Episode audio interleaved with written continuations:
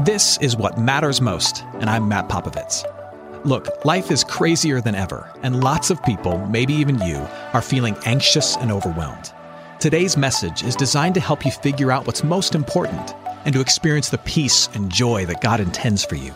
Because life is a gift, and it shouldn't be wasted on worry. I'd like to give you a resource, something to help you navigate the road ahead. Just go to mattpopovits.com, click on the icon, and we'll send it to you. That's Matt, P-O-P-O-V-I-T-S dot com. And hey, if you happen to live in the Houston area, I'd love to see you on a Sunday morning at St. Mark in Spring Branch. Head to stmarkhouston.org to plan your visit. Here's today's message. Thanks for listening. To what shall I compare the kingdom of God?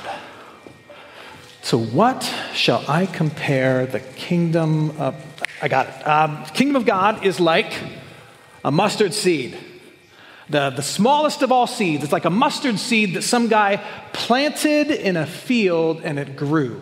But it didn't just grow, it grew into a tree. It grew into a tree so big that, that the birds of the air nested in it and rested in it. You, you need more? Okay, well, what can I compare the kingdom of God to? The kingdom of God is like, um, it's like, it's like yeast in dough.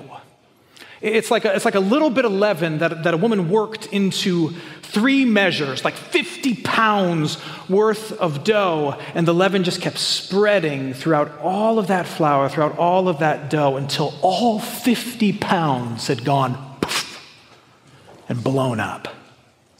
We're taking a journey for where we're looking at the, the most famous, and in some cases, the most scandalous of parables that were told and taught by Jesus and called Stories Jesus Told. So imagine you're sitting at a party and you're surrounded by friends and family and some strangers, and you're having a good time. When all of a sudden, in the middle of this party, somebody starts telling stories. And he's a really good storyteller. Everybody starts gathering around him. He's holding court, and everyone is paying attention, laughing at the funny parts, gripped in suspense at the suspenseful parts. And people are leaning in, eating up the story that this guy is telling. And yet, as people are leaning in to this story, you can't help but think to yourself as he lays out ludicrous event after ludicrous event and says over and over again, I swear this is true, this is really what happened. You can't help but think to yourself, huh, ain't no way this is really true. Luke chapter 15, Jesus is in a storytelling mood. And he is holding court with a whole bunch of people. Luke tells us that there's a crowd around him. In that crowd are two groups of people. One group you could call the wrecks. They're the people who've made a mess of their life. And the other group you could call the religious. They're the ones who've largely followed the rules, done right, done well, been good in life. And Luke tells us that the wrecks, those who've made a mess, they are leaning into, lapping up, and loving everything that Jesus has to say. But the religious folk, you know, the good kids, they're standing in the back with their arms crossed, saying to themselves, Ain't no way this is really true. You ask this question all the time. Whenever you see something on the news that, that breaks your heart, whenever you, you, you see something scrolling through your news feed that fills you with rage, whenever you go through a personal difficulty, a family tragedy, you ask this question what in the world is God up to? Even when you see something that makes you scratch your head and go, what?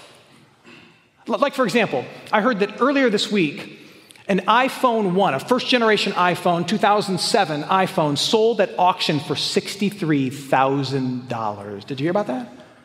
Which, by the way, is half the price of the new iPhone 15. or did you see this? That, that Pepsi, in time for Easter, is releasing Peeps flavored Pepsi. That's true. That's a real thing. The world is a sad place. There are certain things that, that happen and make you just scratch your head and go, What? What in the world is God up to? If God is real and God is active, then why is He allowing all of this craziness to go on? Now, in these stories, Jesus is attempting to answer a burning question in the hearts and minds of his people, a question that you and I still wrestle with to this day. The question is this What in the world is God up to? What's he doing? Today, as we walk through the stories that Jesus told, you are invited to ask this question Which group do I belong to? First story Jesus tells is about a, let's just say, a, a reckless shepherd. It's about a shepherd who has 99 sheep and one has gotten away. It starts like this Luke chapter 15, verse 3. What man of you, having a hundred sheep, if he's lost one of them, does not leave the 99 in the open country and go after the one that is lost until he finds it? At the start of this story, immediately, the people who are listening to Jesus in the first century, they're going to hear this story and say, well, that is ludicrous. No shepherd worth his salt with a hundred sheep, and that's a lot of sheep, is going to leave 99 in an open field, leave them all by themselves to go chase after one sheep that got lost. Look, one lost sheep is the cost of doing business when you've got a hundred, because that's what sheep do. They're, they're stupid, they, they get lost, they're uh, dumb. That's what sheep are. No shepherd is going to run after one sheep and forsake the 99. People listening would have said, no, this, this story is ludicrous. But Jesus doubles down. He keeps going. He says, And when you find the one sheep that was lost, wouldn't you call up all your friends and family and say, Hey, I've found the one sheep that got away. Come over to my place and we'll party. And instantly, just about everybody listening would have said, No, no one would do that. If you called your friends and said, Hey, we're throwing a party because I left 99 sheep to go chase after one and I found the one, all of your friends would start a group text message about how crazy they think you are. Hey, did you get that invite to Shep's party? Yeah, yeah, I did. I'm worried about him. I think he's been spending too much time alone in the field. Jesus tells this story about a reckless shepherd, and instantly, the majority of people who are hearing this story, they think to themselves, Ain't no way this is true. That's a reckless shepherd. But Jesus keeps going. And then he tells the story about a crazy widow, a widow with 10 coins. This is how it starts. Or what woman? Having 10 silver coins, if she loses one, does not light a lamp and sweep the house and seek diligently until she finds it. Again, anyone hearing this story would have thought to themselves, no. This story is ludicrous. Again, remember our context. This is the first century, and it's a patriarchal society. So when Jesus tells a story about a woman with no mention of a husband, no mention of sons, he, he's implying that this is an older, widowed woman. And because he mentions that she has 10 silver coins, 10, in an era where printed money is relatively rare, she's a wealthy, widowed woman. So this is a story right off the bat about a wealthy, dignified, widowed woman who Jesus says has one coin roll off the counter and get lost under the couch. And Jesus says that this wealthy, older, dignified woman is on her hands and knees sweeping through the house. And remember, this is the ancient world. This isn't luxury vinyl tile on the floor. This is dirt. There's no lighting. It's dark. So this older, dignified woman is rooting around on the floor in the dark looking for one silver coin when she's got nine on the table. Everyone hearing this, for the most part, is going to say, well this, well, this is just a ridiculous story. But Jesus keeps going and he says, and when she finds it, wouldn't she call up her friends and her family and say, The one coin that I lost, I found, come on over and party with me? All of her friends would say, Betty, you're loaded. Why are you throwing a party for one coin when you still got nine? Have you been hanging out with that shepherd? Anyone who hears this story is thinking, this is, this is not normal. This is not right. Ain't no way this is true. That widow is crazy. And then Jesus tells another story. He tells a story about an extravagant father, a father who had two sons, a younger son and an older son. He had one who was the youngest and one who was responsible. The younger son looked at his father and said, Dad, you're better off dead to me than alive. Give me my share of the inheritance now. And the father, so extravagant in his desire to just bless his kids and give them what, whatever they want, he says, Okay, I will give you my entire estate. The older brother got two thirds, the younger brother got one third. And this younger brother immediately liquidates what he gets and he takes it off into some far country. And it says he squanders everything on wild living. He, he spent it all on drinking and DraftKings and bad Bitcoin. And he's got nothing left, and there's a famine, and he comes to his senses. That's the word Luke uses. He comes to his senses and he says, Wait, I have an extravagant father.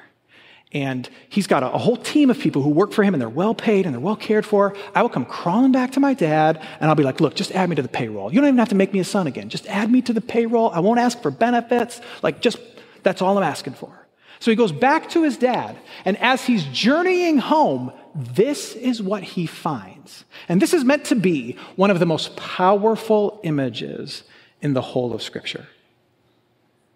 The son is headed home and Luke says this While the son was still a long way off, he is a few hundred yards away. His father saw him, felt compassion. That word for compassion is the Greek word splanchna, which literally means guts. It's feelings from the guts. It's a deep gut feeling. The father is compelled from his guts to go and be kind to his son. While he's a long way off, he feels this pull deep inside of him to be compassionate to his son, and he ran to him and embraced him and he kissed him. More than that, the father shuts down the son's apology. The son is like, I, I don't deserve to be called your son. Let me come and work for you. And at that point, the father's like, shh, no, none of that. And he pours gifts upon him and begins planning a lavish party for him. And it's at this point that I imagine many in the crowd that Jesus is telling this story to would have, would have reached their limit with the lunacy. Because remember, first century, it is a shame and honor culture. And, and the implication is that what this son did to the father, everyone would have known about. He brought immense shame to the father and to the family name. There was no room to imagine a father who, number one, would let this happen. Number two, who would make such a fool of himself, be such a sad sack of a man, standing at the end of the road waiting for his, his doofus son to come home, where everyone can see him. There's old man at the end of the road waiting for his idiot boy to come back. What a pathetic man. Let alone when he sees him come back, lift up his robes and go running to him and then put his arms around him and kiss him and give gifts to him and throw a party to him. This, this just does not happen. This is crazy. People are listening to this story as Jesus tells it, and they're like, ain't no way, ain't no way this story is connected to reality. That father is ludicrous. He is far, far too extravagant. And maybe as you hear these stories, you're thinking something similar. You hear stories about, about a reckless shepherd, about a crazy widow, about an extravagant father, and you think to yourself, this is not how the world works, okay? These are nice stories for Sunday school, but this is not how the world works. Shepherds don't leave the 99, they don't. Dignified women don't, don't roll around on the floor in the dirt looking for one coin. And good parents don't reward bad behavior. They don't. This is not how the world works. But remember, there, there, were, there were two groups in Jesus' audience. There were those who were the wrecks. And, and they are the ones saying to themselves, This is not how, the, I'm sorry, there were, the, there were the religious. They're the ones saying to themselves, This is not how the world works. But then there were also the wrecks, the ones who'd made a mess of themselves. And indeed, there is only one vantage point from which these stories make any sense whatsoever. The only way these stories make sense, the only way in which they fit into this world and you can lay your hands on them, is if you understand that you are the sheep. You are the coin. You are the Son. And when you grasp that, they go from being crazy stories to being everything stories. There were those who were listening who were religious, who'd followed all the rules, and none of this makes sense to them. And then there were those who were the wrecks, who'd made a mess of their life. And as they're listening to this story, I guarantee you, they're not saying, ah, ain't no way this is true. What they're saying is, God, I hope, I pray that this is true.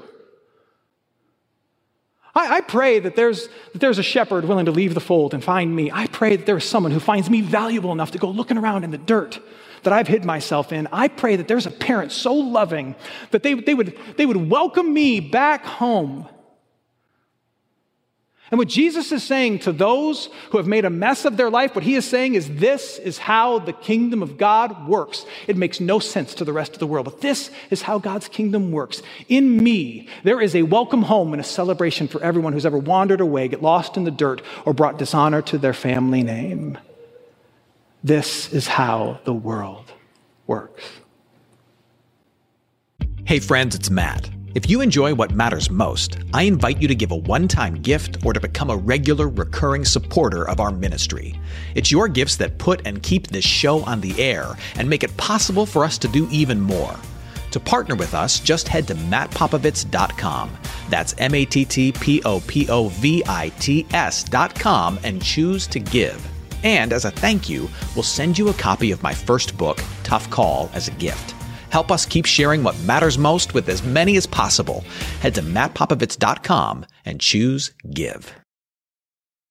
To everybody else, those who those who see these stories as kind of silly, Jesus is sending a different message.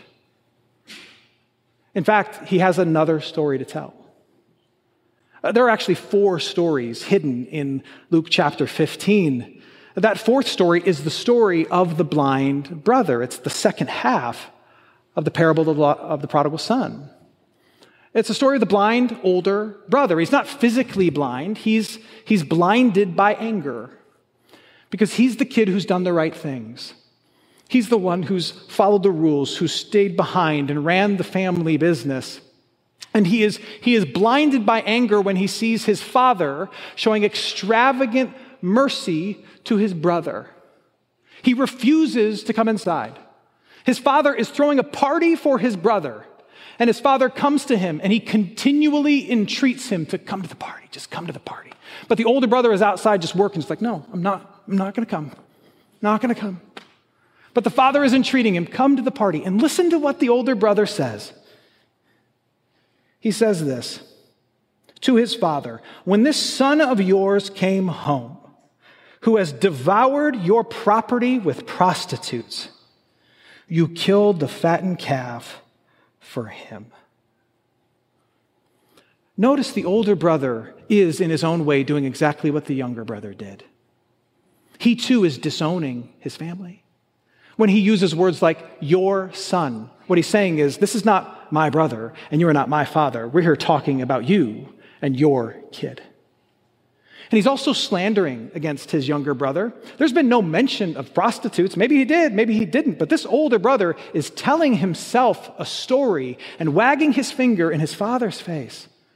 And this too would have been scandalous to Jesus' first century hearers. How could this son be so blind to the disrespect that he's showing his father? How could he be so blind to the fact that, yes, his younger brother has squandered a third of the family estate, but he's been given and has and possesses two thirds of it? How can he be so blind to the fact that he himself is a recipient of the Father's extravagant love? How can he be so blind to this? But he is. He sees himself as different. And then what's fascinating about this, the fourth story in this chapter, is that there is no ending to it. The other three end the exact same way. They all end with a party. This one ends really with a question. The father comes to the older brother and he says, Come in, come in. Will you come in? Will you enter into the party? And will you celebrate? Will you celebrate? Will you not disdain my extravagant love? But will you come and take part in it? And there is no answer. We don't know what the older brother did. And we have to ask why. Why don't we know what the older brother did? And the reason we don't know what the older brother did is because Jesus is inviting all those in his audience who see themselves as a little bit better than everybody else, as ones who have followed the rules more than others, as those who need just a little bit less grace, for whom a lot of these stories about sheep that wander and coins that roll into the dirt and sons that bring dishonor, for, for those who seem to think that those stories are silly, Jesus is inviting them to see themselves as part of the story, to see that if you can't be, if you can't be the sheep or the coin or the son, there's only one more character for you to be in this story, and everybody's somebody. That makes you the angry, prideful, older brother. And Jesus is inviting those who are the older brother to write their own ending. To imagine that they are not the ones who've done better, or the ones who've tried, or the ones who deserve a little bit of recognition, but to imagine that they enter into the party.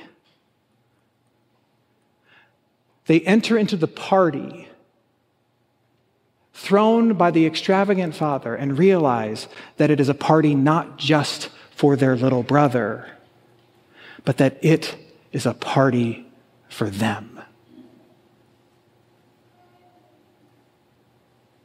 If you are here this morning and you have at any time made a mess of your life, if you have ever felt like the sheep that wandered, the coin that rolled, or the son or daughter that brought shame, what you need to know is that you cannot outrun the mercy and grace of God the Father through Jesus Christ. It is a love that pursues and chases down and lays hold of you. And once it has you, it pours reckless, crazy, extravagant, and undeserved mercy on you.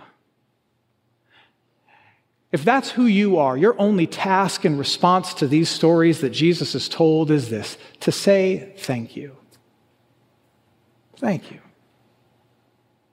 But if you're here and part of you thinks that these, these stories are kind of silly and fit only for Sunday school, but really have no relevance to everyday life, if part of you still says, ah, ain't none of this true, I would encourage you to, to ponder a few things in light of the stories that we've just heard. Just take these and put them in your back pocket. I, would encourage you to do this, uh, to to beware of pride. If you get anything from these stories, especially that last one, just beware of pride. You know, you know, thinking that you've got things a little bit put, put together a little more than everybody else. Pride is a poison that ruins relationships, especially this one. I would also encourage you to stay curious. Don't shut down the notion of your own sinfulness and the love of God. Stay curious about your own weaknesses and about the love that God has for you in Jesus Christ. And stay curious about the question of what will I do if I ever find myself, when I find myself deep in the dirt, stashed under the sofa. And lastly, I, I would say fight cynicism. Fight cynicism. Number one, it's just ugly to walk around going, ah, probably ain't true, probably ain't true, probably ain't true. Don't be that guy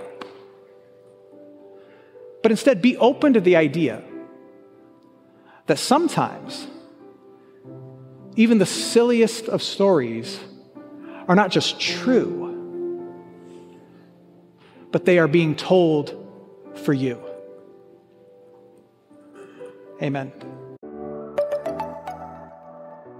Hey, it's Matt. I hope you enjoyed what matters most. Here's what I need you to know life is a gift, and it shouldn't be wasted on worry. I want to help you figure out what's most important and to experience the peace and joy that God intends for you. So, for more content, you can head to mattpopovits.com. That's Matt, P O P O V I T S.com. There, you can also support this ministry as well as access your free resource, a little something to help you navigate the road ahead. I'd also love to see you on a Sunday morning. If you're in the Houston area, head to stmarkhouston.org to plan your visit. In the meantime, hit me up on Instagram at mpopovits or at facebook.com slash mattpopovitsministries. Ministries. Thanks for listening. Now go and hold tight to what matters most.